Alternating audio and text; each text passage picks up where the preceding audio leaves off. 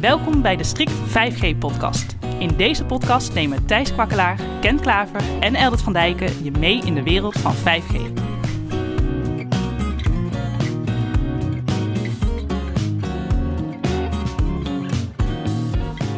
Dit is de Strict 5G podcast. Ik ben Thijs. Ik ben Ken. En ik ben Eldert. Wanneer je het hebt over 5G, dan valt er veel te vertellen over de technologie, de mogelijkheden en onmogelijkheden.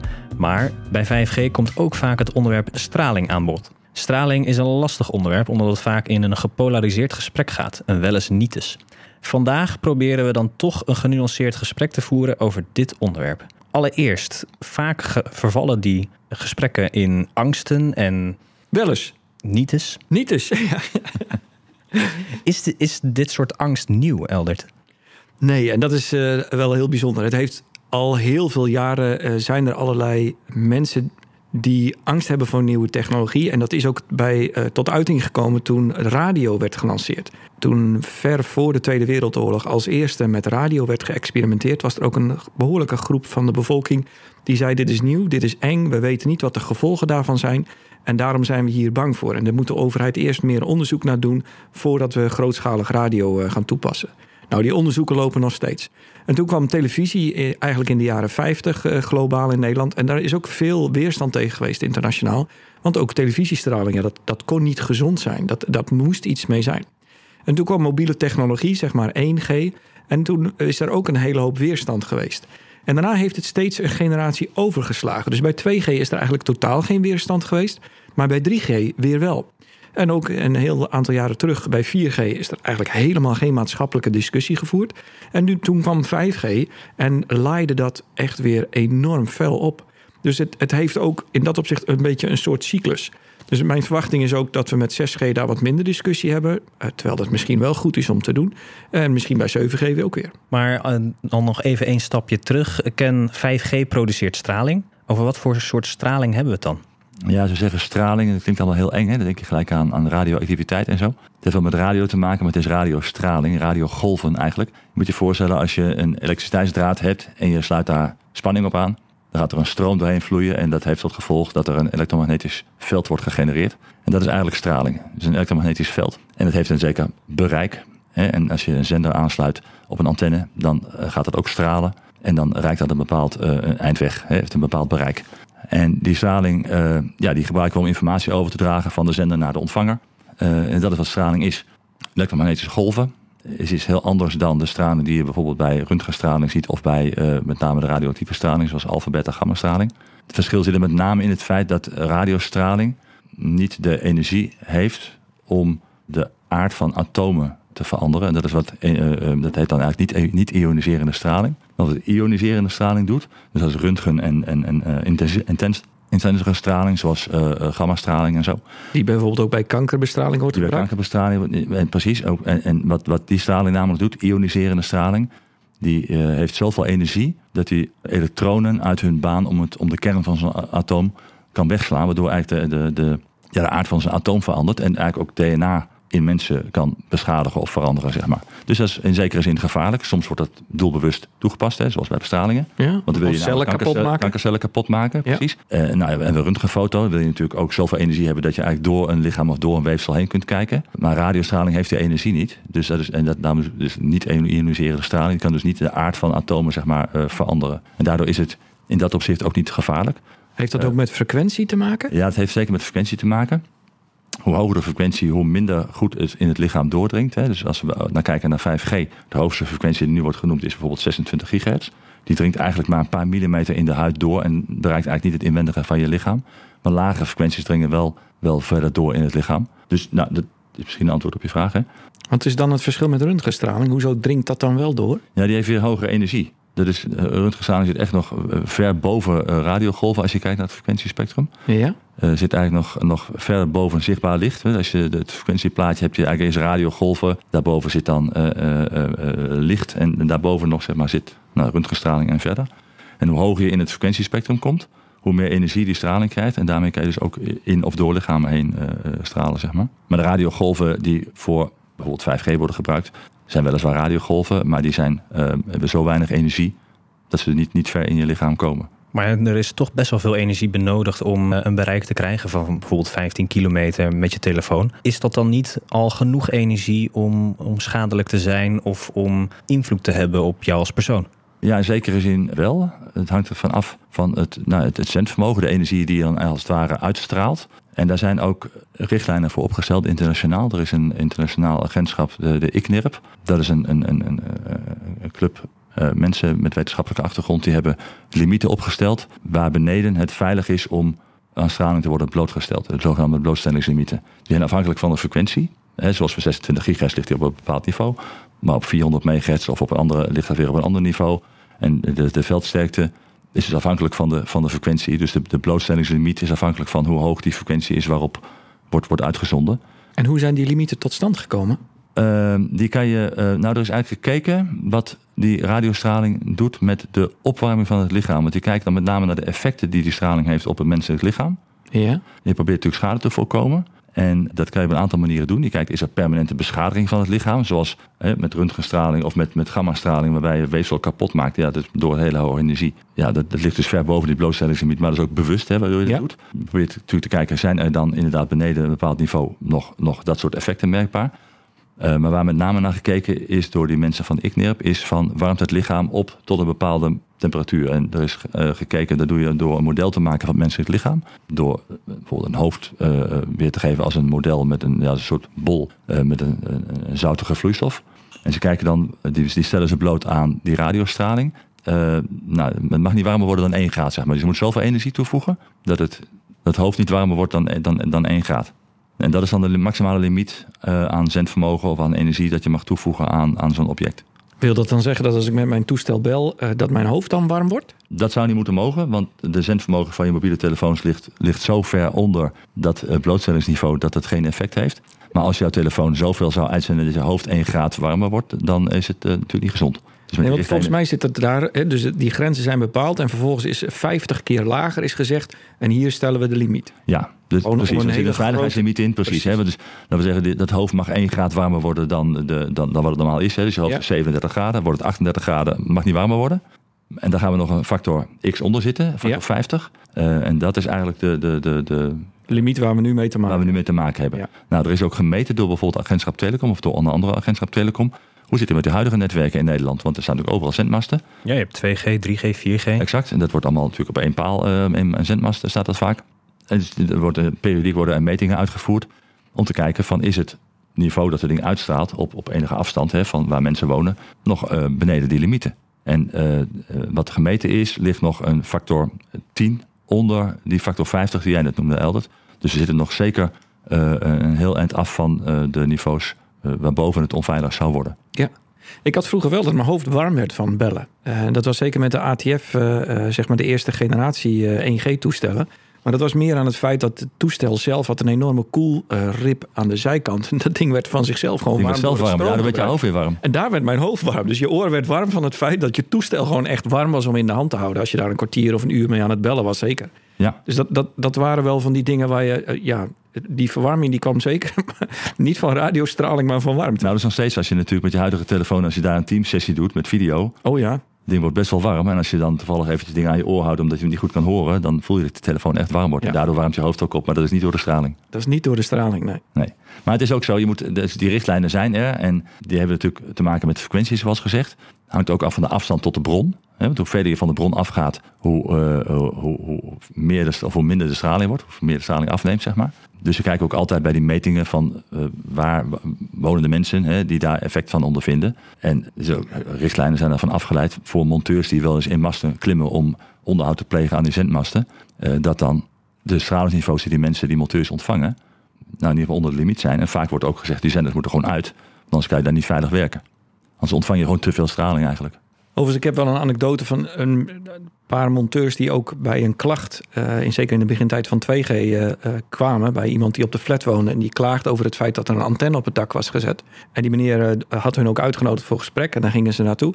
En die meneer, meneer bood hun ook een kopje koffie aan en dat warmde hij op in zijn magnetron. Alleen zijn magnetron was niet helemaal joof meer. Dus met de achterkant van, de, van een lepel. Ja, ik moet niet eens, eigenlijk niet eens vertellen hoe je het doet. Maar daarmee had hij de veiligheid van de magnetron geblokkeerd. Zodat hij het deurtje open kon houden. Want dat deurtje was iets mis mee. En zette de koffiemok in de magnetron en wilde hem vervolgens aanzetten. En toen zeiden die beide monteurs ook... meneer, weet u dat u nu 900 watt aan zendvermogen hier de kamer instuurt? Als u hem aanzet, mogen wij dan alsjeblieft even weglopen of de gang op? Want daar komt zo enorm veel straling vanaf... dat die zender die op het dak staat te stralen met misschien wel 40 watt... ja, dat valt daarbij in het niet. Want die staat ver boven je hoofd naar ver weg te stralen... En die 900 watt, die staat in je gezicht te stralen. Dus die opwarming van je hoofd, als je daar bij je magnetron in de buurt staat, dat ding maakt jou echt warm. Want daar komt veel meer vermogen aan. En daarom is het maar goed dat al die magnetrons zo'n mooi metalen roostertje aan de voorkant hebben. Dus natuurlijk om die energie niet naar buiten te laten stralen, maar vooral binnen in die, in die ruimte te houden. Exact. Echt voor veiligheidsredenen. Want jij hebt er toch ook een keer mee getest, Thijs? Zeker, ja. Er, zijn, uh, er is een project uh, waar ik bij betrokken ben geweest... waarin er getest moest worden of bepaalde elektronica kapot ging... als er een magnetron met uh, een deurtje open nog aan het stralen was. En of je dan ook nog verbinding kon krijgen met de elektronica... die dan in de buurt van die magnetron lag. Ja, via Bluetooth was dat, hè? Ja, ja en je ziet dan ook dus als, als iets op anderhalve meter van die magnetron ligt... dat dan al de straling dermate is afgenomen... dat het al weinig invloed heeft op de elektronica... Uh, maar ik kan me wel heel goed voorstellen dat dat op een mens, dan zit je nog steeds ver boven een grens die je eigenlijk zou willen overschrijden. Als het gaat om, om veiligheid en, en straling die je in het dagelijks leven kan, uh, kan ontvangen. Want de opdracht bij die test was toch ook dat jij dat ding aan moest zetten en heel hard weg moest rennen? Hoe deden jullie dat ook alweer? Wij hadden natuurlijk gewoon gezorgd dat wij achter een, een goede dikke metalen wand stonden met ook nog gewapend beton ertussen. Uh, en dat we eigenlijk gewoon een, een, stekker op afstand erin konden drukken op het moment dat, uh, dat die magnetron, zodat die magnetron aanging. Want ja, uh, je wil niet in de buurt staan daarvan op het moment dat een magnetron met 700, 900 watt gaat stralen. helemaal niet ook in jouw richting. Nee, wat je zou merken is dat, nou ja, wat je zelf zou kunnen merken is dat je opwarmt, hè, dat je warm, uh, het warme zou krijgen. Ja. Maar er zijn natuurlijk, als je inderdaad boven die blootstellingslimieten zou komen, dan ontstaat er echt een ongezonde situatie. Dan heb je echt een, zou een gezondheidsschade kunnen optreden doordat er cellen beschadigd worden. Zoals je expres doet met, met uh, röntgen, nee, sorry, met, met gammastraling voor kankerbestrijding. maak je bewust cellen kapot. Maar goed, dat, dat wil je natuurlijk niet dat het in een normale situatie gebeurt als je onder zenderblootstelling staat. Maar sommige mensen zijn toch extreem gevoelig voor dit soort straling? Ja, dat klopt. Dat heet elektrohypersensibiliteit. Die mensen zijn inderdaad gevoelig voor radiostraling. Ook ver onder de blootstellingslimieten. Die hebben last van. Die voelen zich echt onwel. Uh, als er een, een wifi access point aanstaat. Of als hun mobiele telefoon aanstaat. Of als er mensen bij hun in de buurt komen, mobiele telefoons. Er zijn ook mensen die vaak procederen tegen de komst van een nieuwe zendmast in hun gemeente. Want die zeggen daar echt last van te hebben. Dat uh, is, toevallig bij mij in de gemeente is er iemand die daar tegen geprotesteerd heeft. Dat is behoorlijke rechtszaak geworden. Die loopt nog steeds. Okay. Die is verhuisd naar een landelijk gebied. Toen heeft daar een van die mobiele operators toevallig in dat dorp een, een zendmast neergezet. Ja, terwijl zij dacht, ik ga landelijk wonen ver van de bewoonde wereld met veel straling. Ja, uh, jammer. Dus dat loopt nog. Nou, het bijzondere is dat sommige van die mensen uh, enorme discussie hebben over het feit dat er ergens een zendmast bij hun in de buurt komen staan. Terwijl ze in huis wel wifi-antennes uh, hebben staan en ook een dekt toestel bij voorkeur aan het hoofdeinde bij het bed hebben staan het, zeg maar, het niveau van straling wat daar vanaf komt, is maar iets van 200 milliwatt. Maar het is zo dicht bij je hoofd dat het heel anders is dan een grote antenne die misschien 80 watt tegenwoordig uitzendt, die op 2 op kilometer staat. staat. Klopt. Het, het, als je de berekening erop loslaat, is het zendvermogen wat van die antenne bij jou in huis binnen te ontvangen is, is extreem laag. Het, het vermogen wat jouw mobieltje afstraalt, is veel hoger Vele dan die zendmast in de straat heeft. Ja, maar mensen die, die echt EAS uh, hebben, hè, dus ja. dat syndroom, die, daar zie je ook vaak van dat die geen wifi in huis hebben, maar alles bekabeld doen. Die hebben bepaalde dingen ook afgeschermd en uh, die, die hebben eigenlijk helemaal geen draadloze toepassing in huis. Die hebben mobiel zoveel mogelijk op vliegtuigstand, ja. die echt niet straalt. Uh, dus die weten ook als ze gaan bellen, dan moet dat ding aan. Hè, je moet even van vliegtuigstand af en dan kun je weer bellen. Ja. Uh, maar dan, dan, worden ze er echt, echt onwel van. Nou, er is natuurlijk ook nog getest, weet je. Er zijn mensen zijn in, in een labomgeving neergelegd, in, blootgesteld aan straling. Het schijnt vrij moeilijk te reproduceren te zijn. Want je krijgt er heel gauw van, nou ja, is het dan niet gewoon een suggestie of zo dat je er last van hebt? Omdat je weet dat er een zender is en je denkt dat je er gevoelig voor bent. Uh, en daardoor word je dan misschien ziek, hè? Dat zou dan meer psychisch zijn. Maar het, het, het is wel een degelijk een bestaand probleem. En ook de WHO heeft het onderkend als, uh, als een bestaand fenomeen. De World Health Organization. Ja. Nou, ik, ik heb wel een keer op een dak uh, activiteiten uh, gedaan. Tenminste, op bezoek bij een site, daar werd gewerkt. Dus ik mocht ook mee, dus ik ging ook graag meekijken. Maar op het dak in de buurt van de zendmasten en, en uh, of sorry, in de buurt van de antennes en de kasten waar de zendapparatuur stond. En toen we daar een kwartier boven op het dak bezig waren, voelde ik mij wel onheimisch worden. Dus in mijn, zeg maar in mijn lichaam dat ik iets dacht van, hé, ik voel me niet helemaal senang, ik voel me niet helemaal lekker. En voor mij was dat ook wel een reden om, om daar weg te gaan. En de zendvermogens daar op het dak, ja, die zenders stonden aan. Ja. En we liepen niet voor een antenne langs, maar we stonden er wel op een paar meter afstand van. Ja. Kijk, die zender geeft natuurlijk eh, 10, 20, 40, 80 watt. Ja, rechtdoor het, het gebouw af. Er zit Ja. er nog een antenne aan, hè? dus Ja. eh, dat is best een hoog vermogen. En het zou best kunnen dat je in die situatie dus ver boven die blootstellingslimieten bent uitgekomen van de ICNIRP. Dus naast opwarming Ja. zou je misschien andere effecten kunnen eh, merken. Alleen, dat is ook waar ik in dit soort discussies hè, met mensen die nou ja, of stralingsgevoelig zijn of op andere manier eh, iets tegen 5G hebben vanwege de straling. Ja. Altijd de discussie van ja, het is ongezond, maar is het dan een, een, een, een, een, ja, echt een gezondheidseffect? Dus gaan er definitief dingen in je lichaam kapot doordat er straling is? Of is het een biologisch effect? Dat wil eigenlijk zeggen van nou, er is wel een effect mee- meetbaar of, of zichtbaar. Maar als de straling weg is, is het effect ook weg.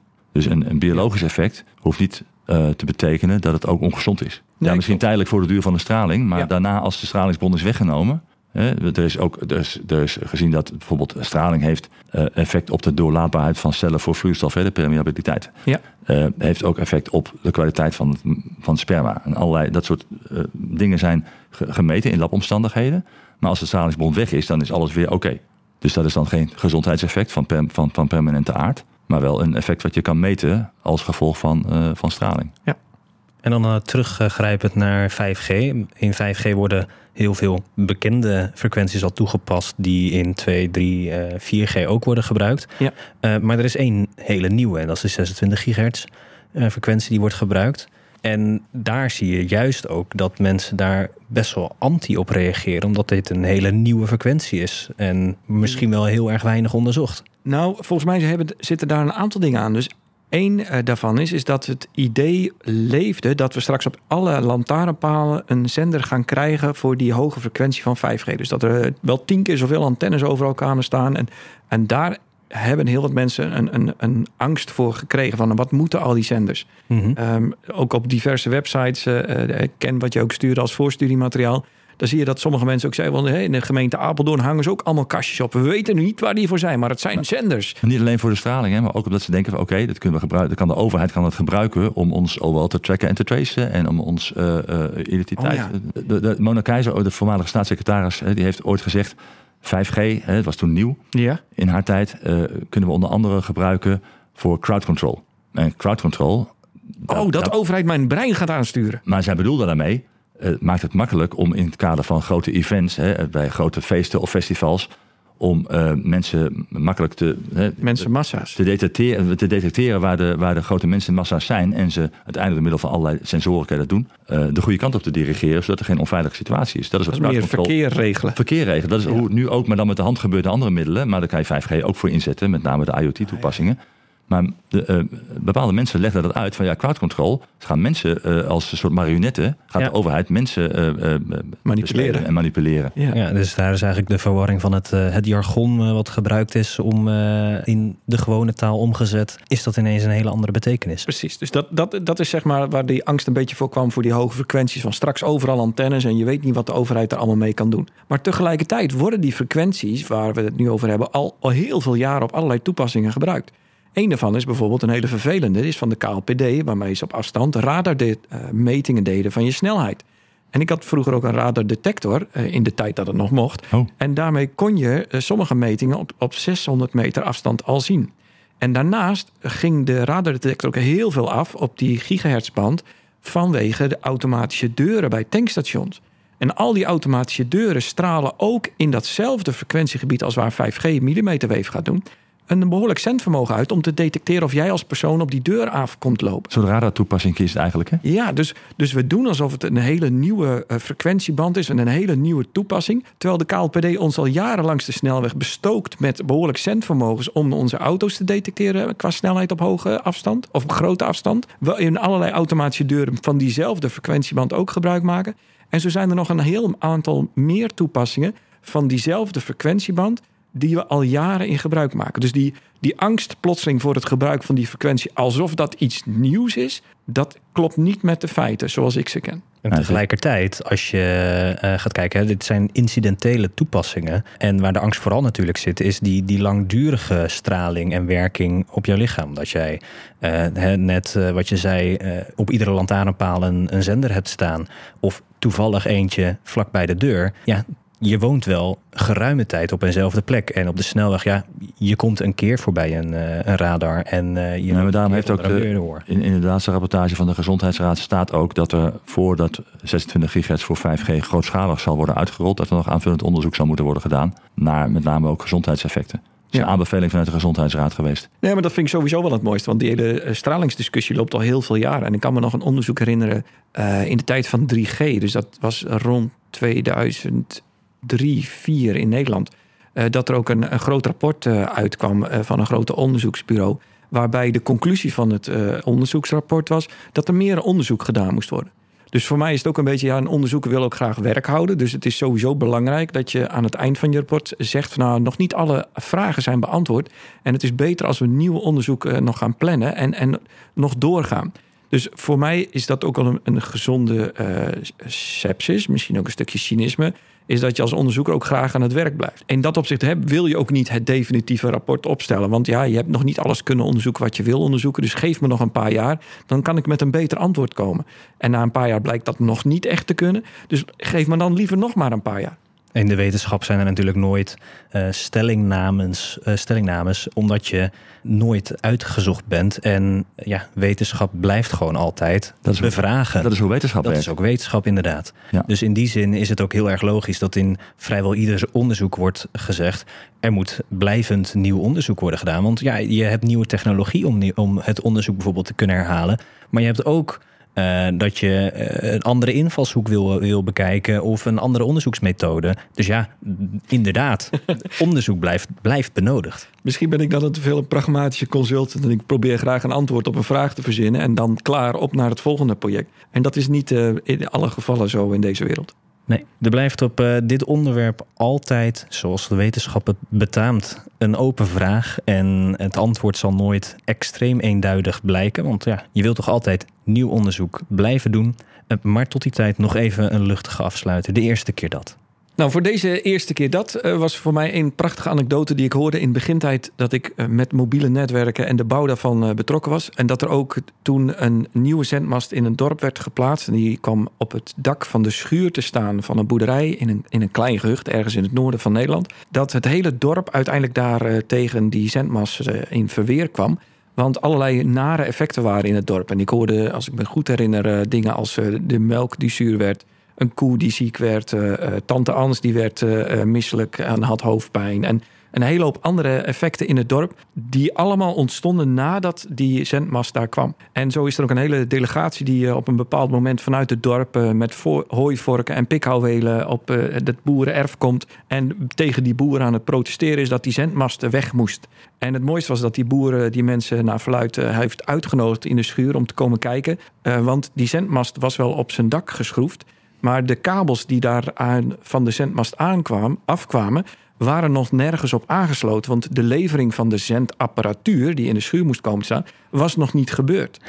en, en voor mij is dat zo'n prachtige anekdote dat we ons als mensen soms zorgen kunnen maken over allerlei dingen die we in de omgeving zien. Die misschien wel lijken alsof ze ergens doorkomen, maar dat nog niet altijd het geval hoeft te zijn. Dit was de Strict 5G podcast met Eldert, Ken en Thijs. Abonneer je op de podcast zodat je direct weet wanneer er weer een nieuwe aflevering is en laat ons ook vooral weten wat je ervan vond.